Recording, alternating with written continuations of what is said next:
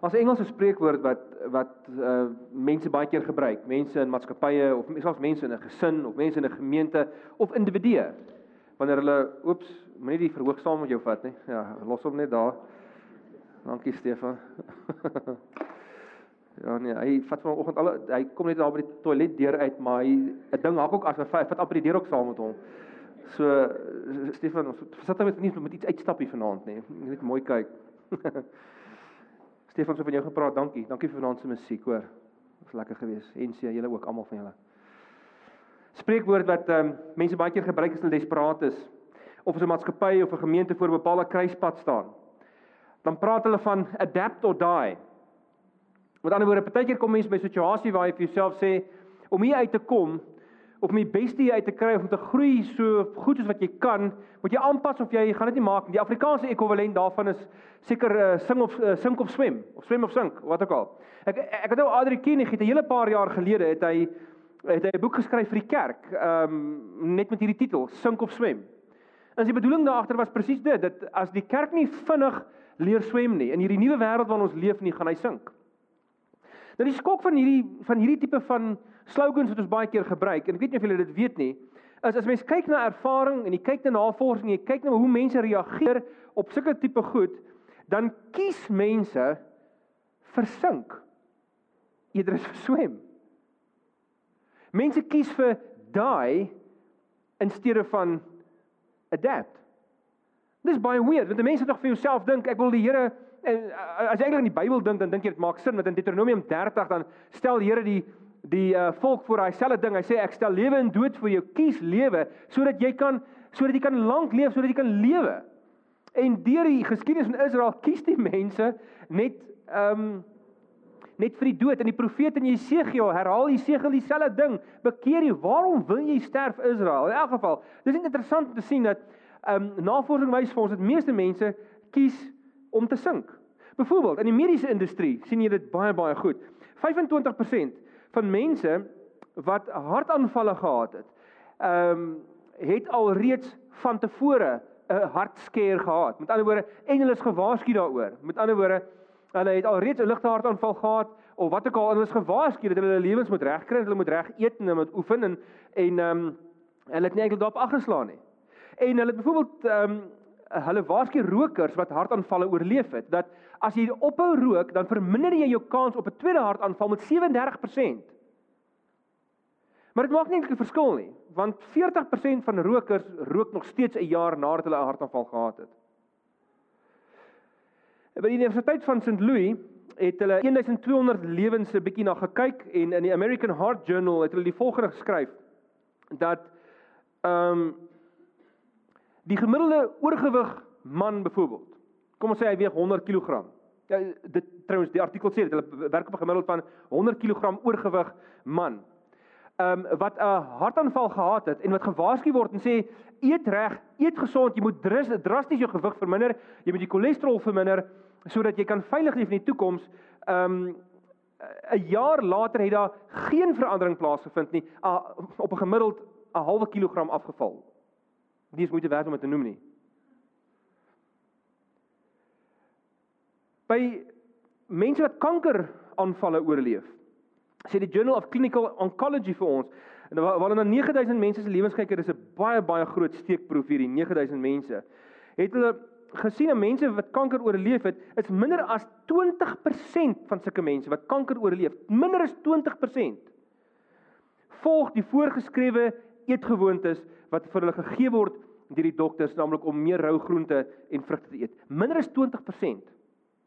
En minder as 1 uit 20 kankeroorlewendes volg al drie herstelvoorskrifte naamlik uh eet reg, hou op rook en begin oefen. Minder as 1 uit 20. Mense kies om te sink. Mense kies om te sterf eerder as om die aanpassings te maak. Hoekom is dit? En die rede is eenvoudig. Mense hou nie van verandering nie. Selfs al beteken dit vir hulle lewe.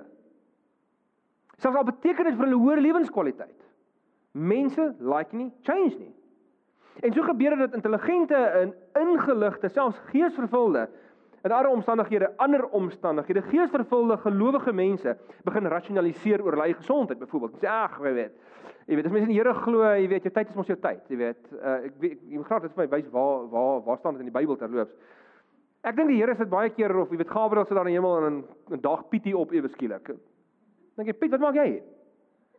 Jy's nog lank nie veronderstel om hier te wees nie. Nee, ek het 'n bietjie hamburgers geëet, jy weet.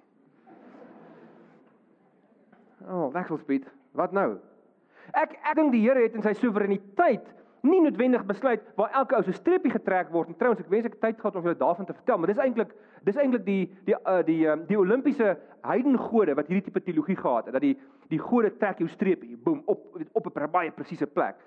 Die Here, ek dink nie die Here het in sy sy soewereiniteit besluit dat die lewe so werk dat as jy uh ongesond leef, jy gouer sal doodgaan. Dit lyk vir dis nog hoe dit werk in die algemeen. Lyk my dis maar die Here hoe die Here dit bedoel het. Beteken nie hy kan nie iewers ingryp nie, maar dit lyk nie vir my dis die reël nie. So mense begin vir hulle self jok. Mense lieg vir hulle self. En uh, ek sien baie keer dat mense wat counselling nodig het, mense wat sukkel met erge depressie en mense wat sukkel met met ongelooflike ehm um, swaar laste wat hulle saam dra. Dat jy probeer so graag om mense uit te kry by 'n professionele persoon dat hulle uh, gehelp kan word en meeste mense stel nie belang nie. Ek het werk by 'n uh, uh, maatskappy waar ek op stadium uh, was het ehm um, die CEO uh commit daartoe dat enige van sy personeel wat ehm um, wat ek dink het 'n uh, uh, professionele hulp nodig sal hy voorbetaal. En ek het vir daai mense in op die personeelspan nou en dan as ek so iemand teekom in my persoonlike interviews met hulle en ek kom agter hierdie persoon moet dringend by 'n beraader uitkom of by 'n by iemand, dan gee ek vir hulle Korandayo se nommer. En da, dan stuur ek hulle so intoe. Ek sê die enigste ding wat jy moet doen is dis dis vir jou betaal. Tel net die foon op en maak 'n afspraak. Hulle sal jou help. En in my tyd het ek 11 mense geïdentifiseer wat ek nou al Koram Dayo se nommer byvoorbeeld gegee het. Nou die van julle wat dalk nog vanaand gaste is, Koram Dayo is ons beradingsentrum net hier oor kan die pad. Weet jy waar is hy nou nie daar dink ek. Ehm um, en die kerk is 'n bietjie confused. Ek wys altyd verkeerde rigting. Hoe dit ook al sê en ek het 11 mense Koram Dayo se nommers gegee en 2 het gereageer. Mense hou net nie van change nie. So kom ons kyk of jy van change hou. So ek het so 'n klein toetsie vir ons saamgebring vanaand. En uh, dis so 'n 7 punt toetsie. En uh ek gaan 'n paar stellings lees en dan gaan ek vir jou sê hoe kan jy vir jouself 'n punt gee. Alraight. So die die heel eerste toetsie is dit: sien jy Jesus as 'n revolusionêre koning wat alles van jou eis of liewe Jesus wat jou selfsug ignoreer of jou selfvoldaanheid ignoreer? Nou as jy Jesus sien as 'n revolusionêre koning wat alles van jou eis, gee jouself 1 punt. Want alhoewel die Here natuurlik heeltemal in genade leef en in genade ons hanteer, ons ons gaan nou by genade uitkom. Ehm um, vat hy nie ons nonsens nie. Hy eis en hy verwag van ons dat ons sal groei.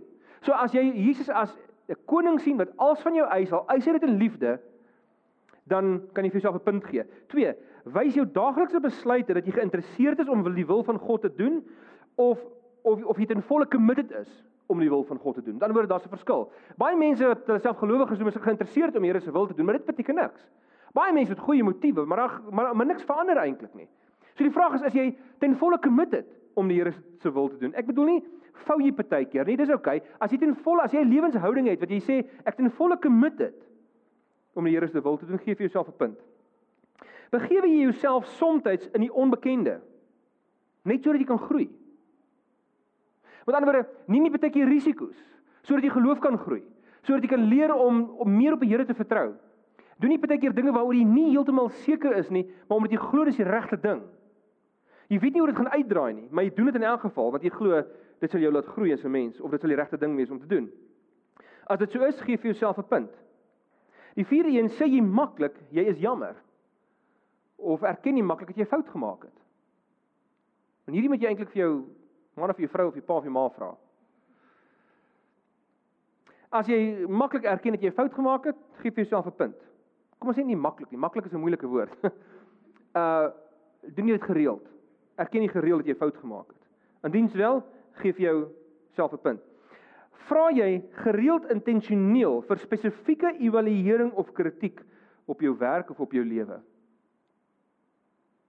Want iemand wat wil groei, wat wil verander, doen dit. Hy invite evaluering. Natuurlik kies hy die kontekste waarin hy vra goed uit. Hy vra nie vir enige Jan Rapp en sy maat op straat nie. Hy vra vir mense wat hy vertrou, maar hy vra dit wel. Sy vra dit wel. Die sesde een, ehm um, verander jy gereeld lewensgewoontes net bloot omdat die Heilige Gees jou aanspreek. Omdat jy weet jy moet.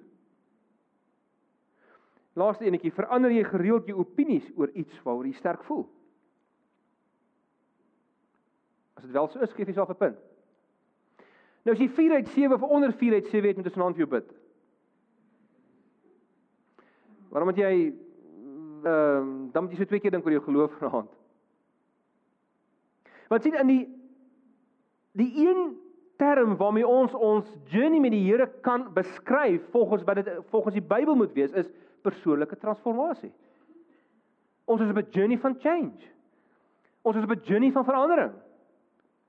Of ons nou like of nie, want die Here is besig om in my en jou lewe te skep. Al hoe meer en al hoe meer. So die vraag is egter nou, hoe benader die evangelie persoonlike verandering? Hoe uh, praat die Bybel spesifiek daaroor? So ek gaan vanaand net twee verse vir julle lees, maar dis dis twee fundamenteel belangrike verse in die Nuwe Testament. Dis eintlik die die in 'n groot mate die hoogtepunt of die uh die as waarom die Romeinebrief draai is hierdie twee verse wat eintlik daarna volg. Dis twee verse wat julle waarskynlik baie goed gaan ken ook meeste van julle. Maar ek gaan net elke keer so 'n sinnetjie lees en dan gaan ek 'n paar kommentare daaroor, dan gaan ek 'n paar comments daaroor maak en nog 'n sinnetjie uit die teks en dan uh 'n paar stukkies kommentaar daaroor maak. So die heel eerste enetjie, dit kom altyd uit Romeine uh, uit Romeine 12 vers 1 en 2. Paulus sê daarso en nou doen ek 'n beroep op julle broers op grond van die groot ontferming van God. Nou daar's geen beter plek om te begin praat oor persoonlike transformasie as die groot ontferming van God nie. Want wat is hier besig om te gebeur in die Romeinebrief? Paulus is besig om nou al hoofstukke lank vir die ouens te sê hoe geweldig groot, hoog en diep die liefde van die Here is vir ons. En hoe hy ons 'n liefdesidentiteit gee.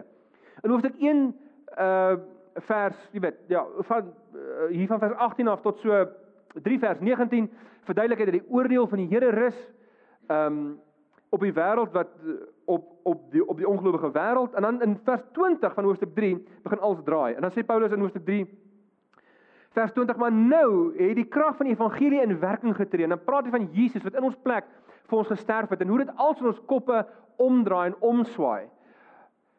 En in hoofstuk 4 praat hy oor die genade wat wat Abraham beleef het. In hoofstuk 5 praat hy oor Jesus as die nuwe Adam wat wat in, in ons plek 'n nuwe lewe leef en dat hy vir ons gesterf het toe ons nog sondaars was. In hoofstuk 6 gee hy praat hy oor 'n nuwe identiteit. Hy sê vir ons ons is dood vir die sonde. As jy in Jesus glo, beteken dit God sien jy nie meer as 'n sondaar nie. Beteken nie jy doen nie meer sonde nie, maar jou posisie in God se oë is nou iemand wat wat, wat rein is en wat vergewe is. Hy geskenk aan ons 'n liefdesidentiteit. So hoofstuk 7 praat Paulus so 'n bietjie oor sy struggle teen sonde en hoofstuk 8 begin hy amper as een van die hoogtepunte in die boek waar waar hy lekker opspike en hy sê daar's dus vir die wat in Christus is nou geen veroordeling meer nie. Paar verse verder in Romeine 8 dan sê hy ons kan nou voldoen aan die eise van die wet deur Jesus wat vir ons lief is. 'n Paar verse verder dan sê hy ons is nou meer as oorwinnaars as deur Christus wat ons liefhet. En dan eindig hy met daai ongelooflike magnum opus paar verse wat Paulus daar skryf. Hy sê: "Hiervan is ek veral oortuig dat geen dood of lewe of engele of dienswoordige of toekomstige magte of enige iets in die hemel of op die aarde kan skeiding bring tussen my en die liefde van Christus nie." Dis 'n ongelooflike stuk oor die liefdesidentiteit wat die Here vir ons gee. En dan 9 tot 11 is daar so 'n insetsel wat hy ingesit het waarskynlik heerliker later uh, oor die rol van Israel in die nuwe Israel en dan hoofstuk 12 vers uh, vers 1 en 2 is daar die eerste bevele in die hele Romeinebrief. Wel daar's 1 in hoofstuk 6 vers 12, maar dit is so halwe verlore imperatief so op sy eie. Ehm um, maar in hoofstuk wat in die hele 11 hoofstukke vertel hy vir die ouens van die die liefde van die Here en dan in 12 vers 1 dan gee hy die eerste groot opdrag en dan begin hy dit so. Hy sê nou doen ek 'n beroep op julle op grond van hierdie groot ontferming. Met ander woorde God het homself ontferm oor jou. Wat jou enigste gepaste reaksie op dit. En dit gee vir ons die volgende gedeelte. Hy sê dan gee jouself aan God as lewende en heilige offers wat vir hom aanneemlik is. Dis die wesenlike van die godsdiens wat jy moet beoefen. So wat sê hy met die laaste sinnetjie? Uh, hier is die wesenlike van die godsdiens. Hy sê wie wat dis die mees basiese ding Dis die basics. Dit is, jy weet, Christendom 101. Jesus het vir ons gesterf, hy ontferm homself vir ons, gee jouself as 'n offer. En dit is interessant, hy sê nie net doen 'n paar goeie dinge vir die Here nie. Hy gebruik die persoon die die die, die woord offer. So, wat sê offer wat iets alles nie wat iets anders nie nie sê nie. Hy sê wy jou lewe. Met ander woorde, ehm um, Christus, Jesus word die bril waardeur jy na die wêreld kyk. Dit word die bril, jou besluitnemingsbril. Uh, Jesus word die bril wat jy kyk as jy besluit te neem, ehm um, wanneer jy vra wat moet ek doen? Hoe moet ek reageer? Hoe moet ek oor daai persoon hanteer? Hoe moet ek die waitress of die waiter by die ehm um, by, by die koffieshop hanteer? Moet ek hierdie doen? Moet ek daai waar gaan ek werk? Hoe gaan ek wat moet ek doen? Wat gaan ek swat? Watse vakke moet ek neem? Ehm um, moet moet hierdie moet ek hierdie besigheidsdeal aanvaar of nie? Jesus word die bril. Jy offer jou lewe teenoor hom. Hy word die hy word jou manier van leef. En dit is belangrik want dit sê ook nog iets. Dit sê dit dit sê ook oor hoekom Here die Here vir ons sy groot ontferming gee. Hoekom hy vir ons aan die kruis gesterf het. Hoekom hy ons met genade hanteer.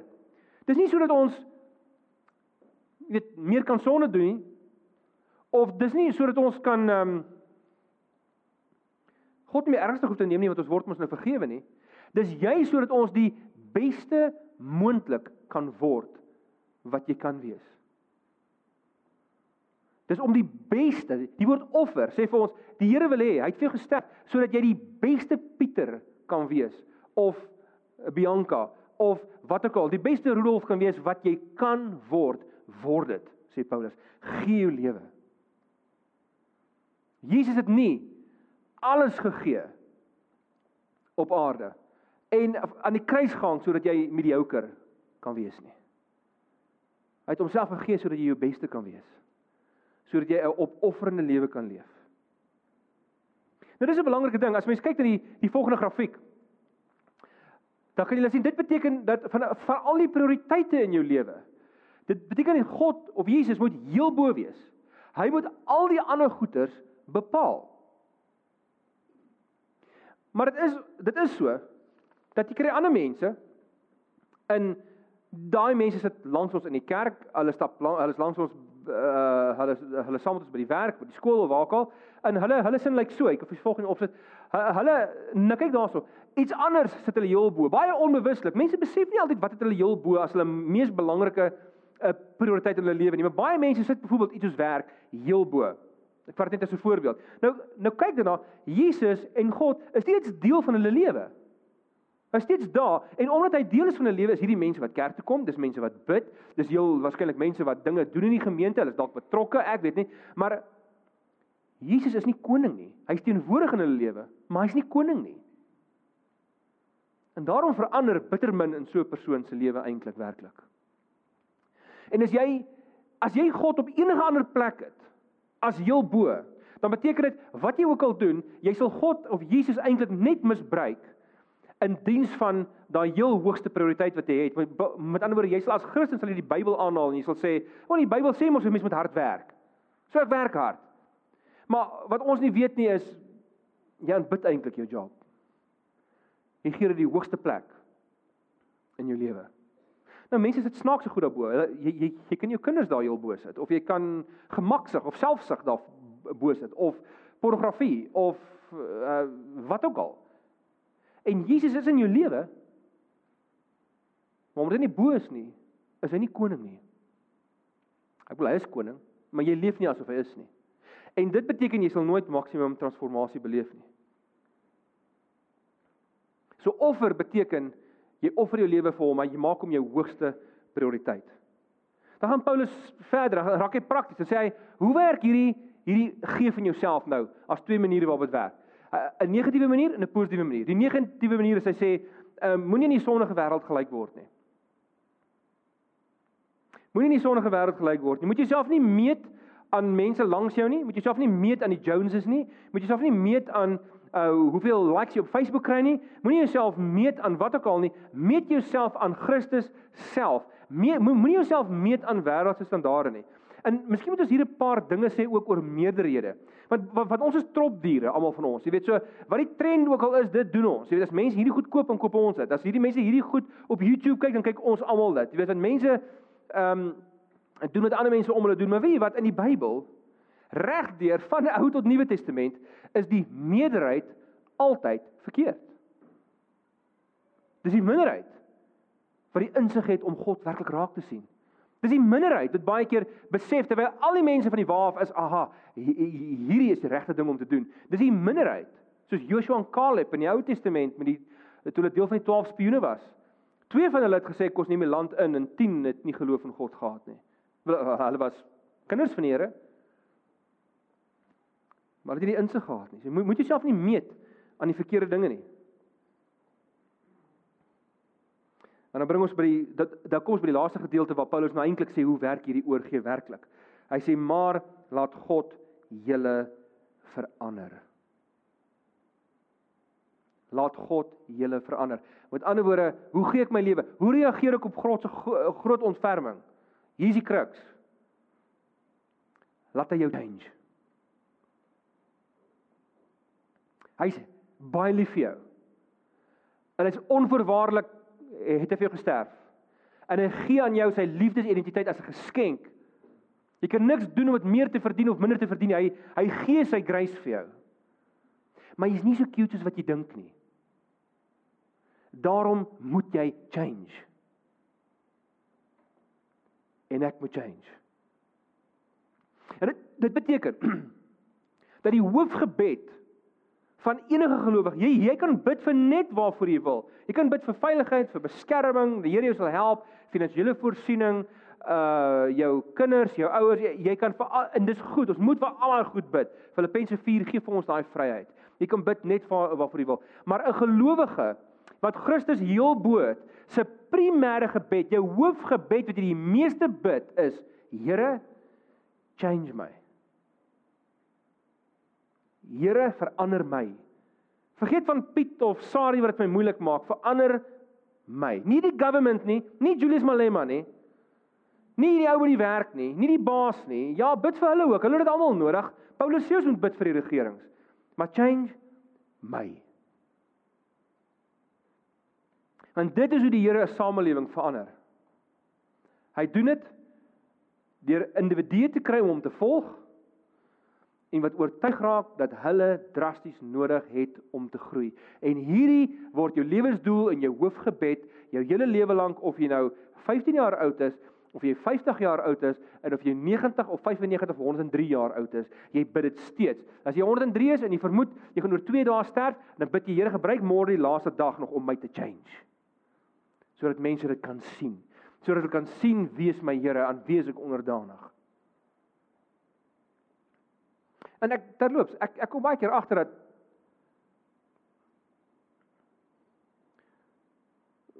nie weet mense raak baie keer moedeloos vir al die challenges wat wat vir hulle gegee word. Hulle kom baie keer agter baie van die ou mense beleef soms so 'n sense of loss. Jy weet hulle gesondheid neem af, hulle verloor vriende wat wat vroeg sterf en en dan kom daar baie keer moedeloosheid oor hulle. Hulle het nie regtig lus vir verandering nie en hulle doen dit nie eintlik meer nie en ek en dis eintlik so jammer want mens moet nooit opgee op die Here se werk binne in jou nie. Nooit nie. En mense sê baie keer, jy weet Rolf, ek is nou al ek is nou al 60 jaar oud. You can't teach an old dog new tricks. Dis waar, ja. As jy 'n hond is. Maar gelukkig is jy nou nie. Het 'n ongelooflike neuroplastiese brein wat wat deur die Here geskep is. En gelukkig dra gelukkig tog dra jy die Here se DNA binne in jou. En gelukkig het jy vermoë om verandering te bestuur en te beplan en uit te voer en uit te leef. So wil jy lewe. Change. Nie om God se gunste wen nie. Jy het dit klaar gekry, dis joune. Nou as jy nie gelowig is nie, of jy het nog nooit by die punt gekom jy's net bloedgodsdienstig, jy het nog nooit Jesus aan die voete van die kruis gekniel en gesê Here, dankie. Ek aanvaar vergifnis vir wat U vir my hier vir gedoen het aan hierdie kruis. As jy dit nog nie gedoen het nie, doen dit, want dan want dan is jy nog 'n bietjie van die dan is jy nog 'n bietjie die oetjie in die modder. Maar die oomblik as jy na hom toe kom, dan is sy liefde joune. Dis 'n geskenk. En hoe reageer jy met blydskap, met vreugde, met celebration? En met change.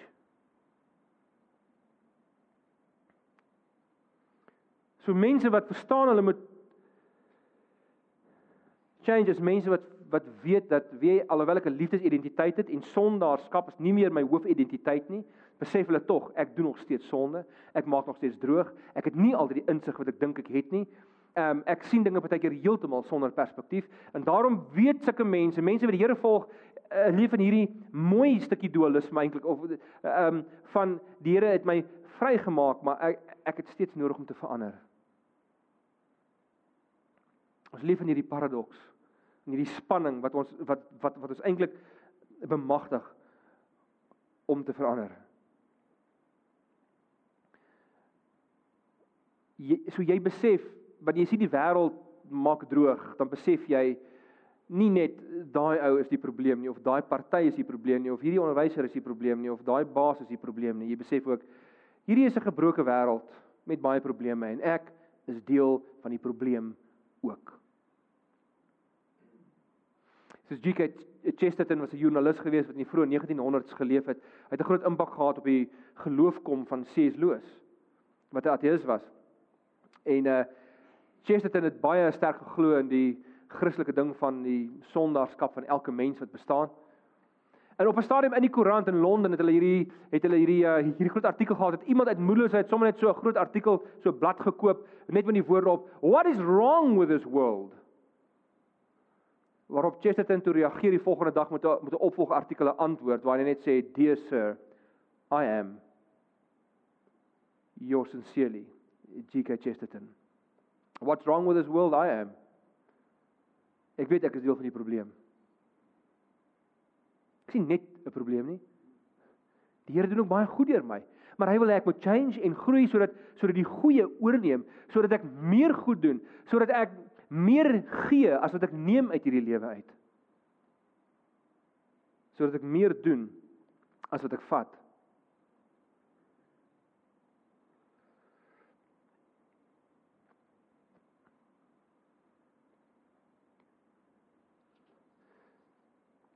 So Here, verander my.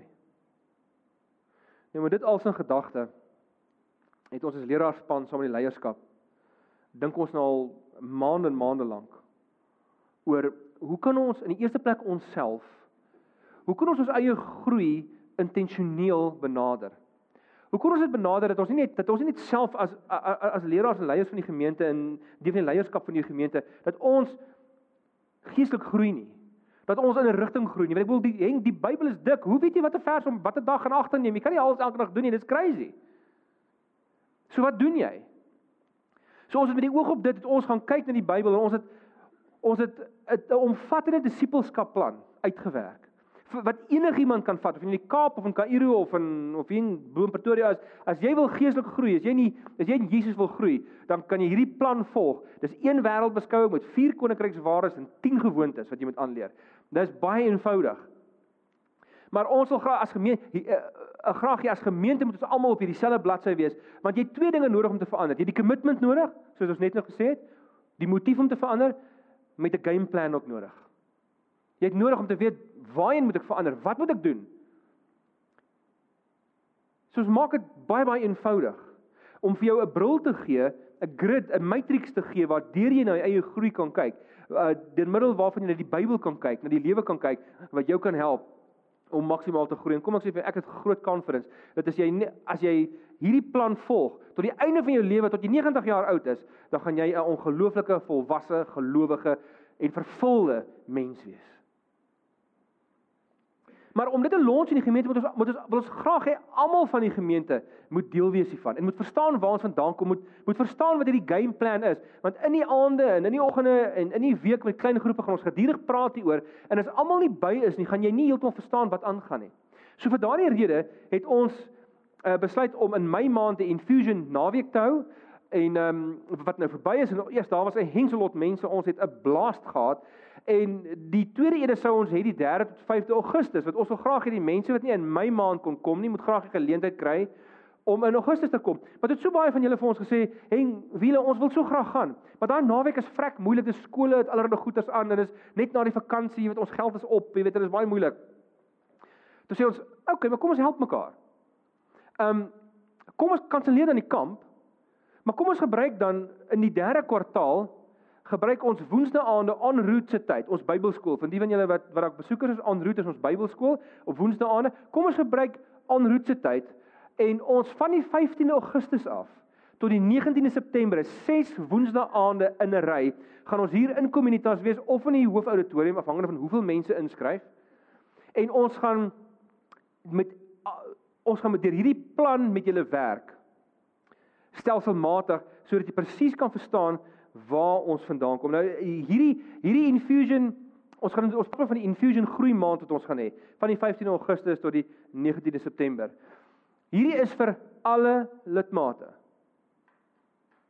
Alle lidmate. So as jy vir jouself vra ehm um, so al wat jy vir jouself moet vra of jy weet of jy hierdie ding moet bywoon of nie, as jy vra vir jouself, was ek op 'n infusion naweek in my maand? Uh as jy nie was nie, dan wil ons jou vreeslik graag by infusion sien van die 15 Augustus af. Dis vir alle klein groepe. Ons gaan in daai tyd klein groepe afgee. Ons wil hê die klein groepe moet liewer infusion kom bywoon. Ons gaan nie materiaal hê vir daai tyd nie. Ons gaan hier wees. So alle klein groepe van die 15 Augustus af wil ons asseblief vir julle moet hier wees. Dit is dit hierdie is net hierdie ons vra net bloot hierdie goeie wille van onsself nie. Dit is 'n game plan wat jou gaan help om 'n lewe te leef waardig tot die prys wat die Here vir jou betaal het. En dit dit dit dit gaan regtig regtig baie exciting wees. Ons gaan tee en koffie bedien die aand daarso en ehm um, oor die een ding wat ons wel gaan doen is ons wil net graag hê julle moet R40 bring. Ons vra gewoonlik R150 vir vir 'n kwartaal by Onroot, maar ons gaan dit nie doen nie. Ons gaan net vir hulle R40 vra wat elke persoon gaan so 'n boek kry wat die hele game plan binne-in het wat ons met julle gaan deurgaan oor 'n kwessie van 6 weke sistematies. En ehm um, uh so ons ons gaan uh dis uh, ons weet ons, ons wil net ons kostes dek.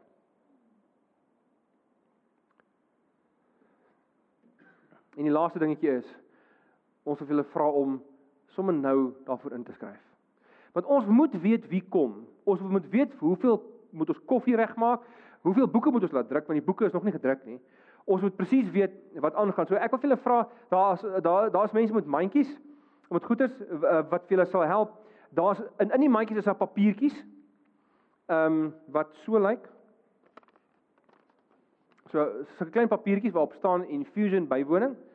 En ehm um, hulle gaan gou alles vir julle uitdeel en uh, daar ek dink daar word potlood en goed ook uh, daar te wees. So vat vir jou papiertjie, vat vir jou potlood, dalk so half per egpaar of per per kappel sodat mense dit saam kan doen. En dan skryf jy asseblief ons as jy as jy dit gaan of kan bywoon, dan vul jy asseblief hierdie papiertjie in, skryf jou naam in en jou van en jou selnommer en e-posadres is al wat jy hoef te doen.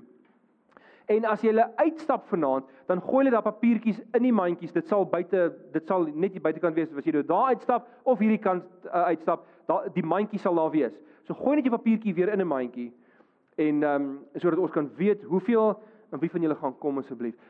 Ek moet julle sê ons is ongelooflik opgewonde hieroor. Saam met die Oosterfees, ehm um, die Oosterfees is so in die middel van hierdie infusion geleentheid en ons dink dit is nogal gepas. Uh so ons gaan lekker celebrate ook die 8de September, maar terwyl ons daarmee besig is, het ons hierdie 6 weke van fokus op geestelike groei en op persoonlike transformasie. En ons gaan alles mooi in perspektief plaas. So ek gaan ek gaan net so 'n paar oomblikke vir julle gee. 'n Paar oomblikke stilte om so 'n bietjie te reflekteer, so 'n bietjie te dink as jy wil. As jy jy kan miskien bietjie met die Here praat as jy wil. Ehm um, dink 'n bietjie of jy dit gaan of wil bywoon. Jy kan die geld kan nie betaal wanneer jy die aand kom. Jy hoef nie nou te betaal nie. Maar ons wil net graag jou naam hê, dat ons kan weet as jou naam opgeskryf is, dan kom jy. So kom ons wees net stil vir 'n paar oomblikke.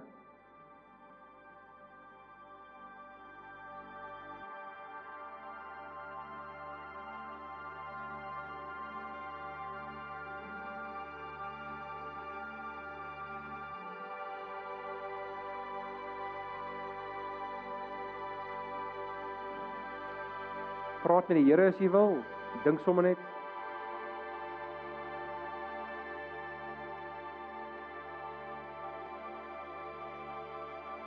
Ons sal nog hierdie week bespreek oor of ons kinderoppas diens sal hê. Ons weet nie of dit ons gaan moontlik wees nie. So moontlik gaan julle self moet planne maak met die kinders, maar ons sal julle laat weet. Julle het volgende week ook nog geleentheid om in te skryf.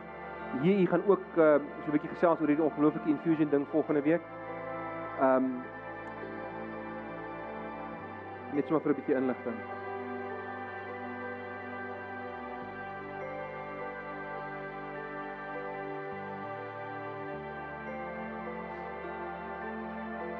Ek sê dit af net met 'n volgende met 'n volgende storie. Ek het dit al vertel so so 'n paar maande gelede. Lee Strobel is een van die mense in die FSA wat hy was 'n ateïst toe kom hy tot geloof.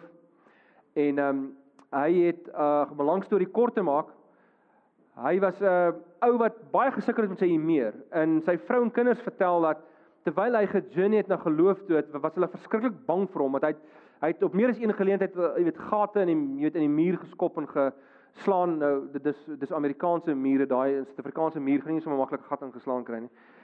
Maar ehm um, uh hoe dit ook al sê dit is so uh hoe hulle hom beleef het en uh, hy vertel nou terug as hy terugkyk hoe sy dogtertjie Allison op 'n stadium bewend in 'n hoekie gesit het omdat hy 'n gat in 'n muur geskop het en hy in in hulle was bewend van vrees. En toe ontmoet hy egter die Here. Sy vrou het eers tot geloof te gekom waar hy baie kwaad was en toe sê hy vir haar ek gaan hulle bewys dat die Christelike geloof heeltemal foutief is en dit so al sy hoax is en toe na 18 maande egter toe kom hy tot geloof. En toe verander alles. En hulle skakel in by 'n gemeente waar toe hy waar hy toe later 'n predikant geword het. En die kinderbediening kom eendag na hom toe na diens en hulle sê te vir hom, "Weet jy, jou dogtertjie Ellison het vandag 'n lewe vir Jesus gegee." En weet jy wat het sy gesê? Ons wil graag vir jou sê wat het sy gesê? Toe ons vra vra wil jy graag jou lewe vir Jesus gee en ons vra vir hoekom sy dit wil doen, toe sê sy ja. I want to give my life to Jesus because I want Jesus to do for me what he did for my daddy.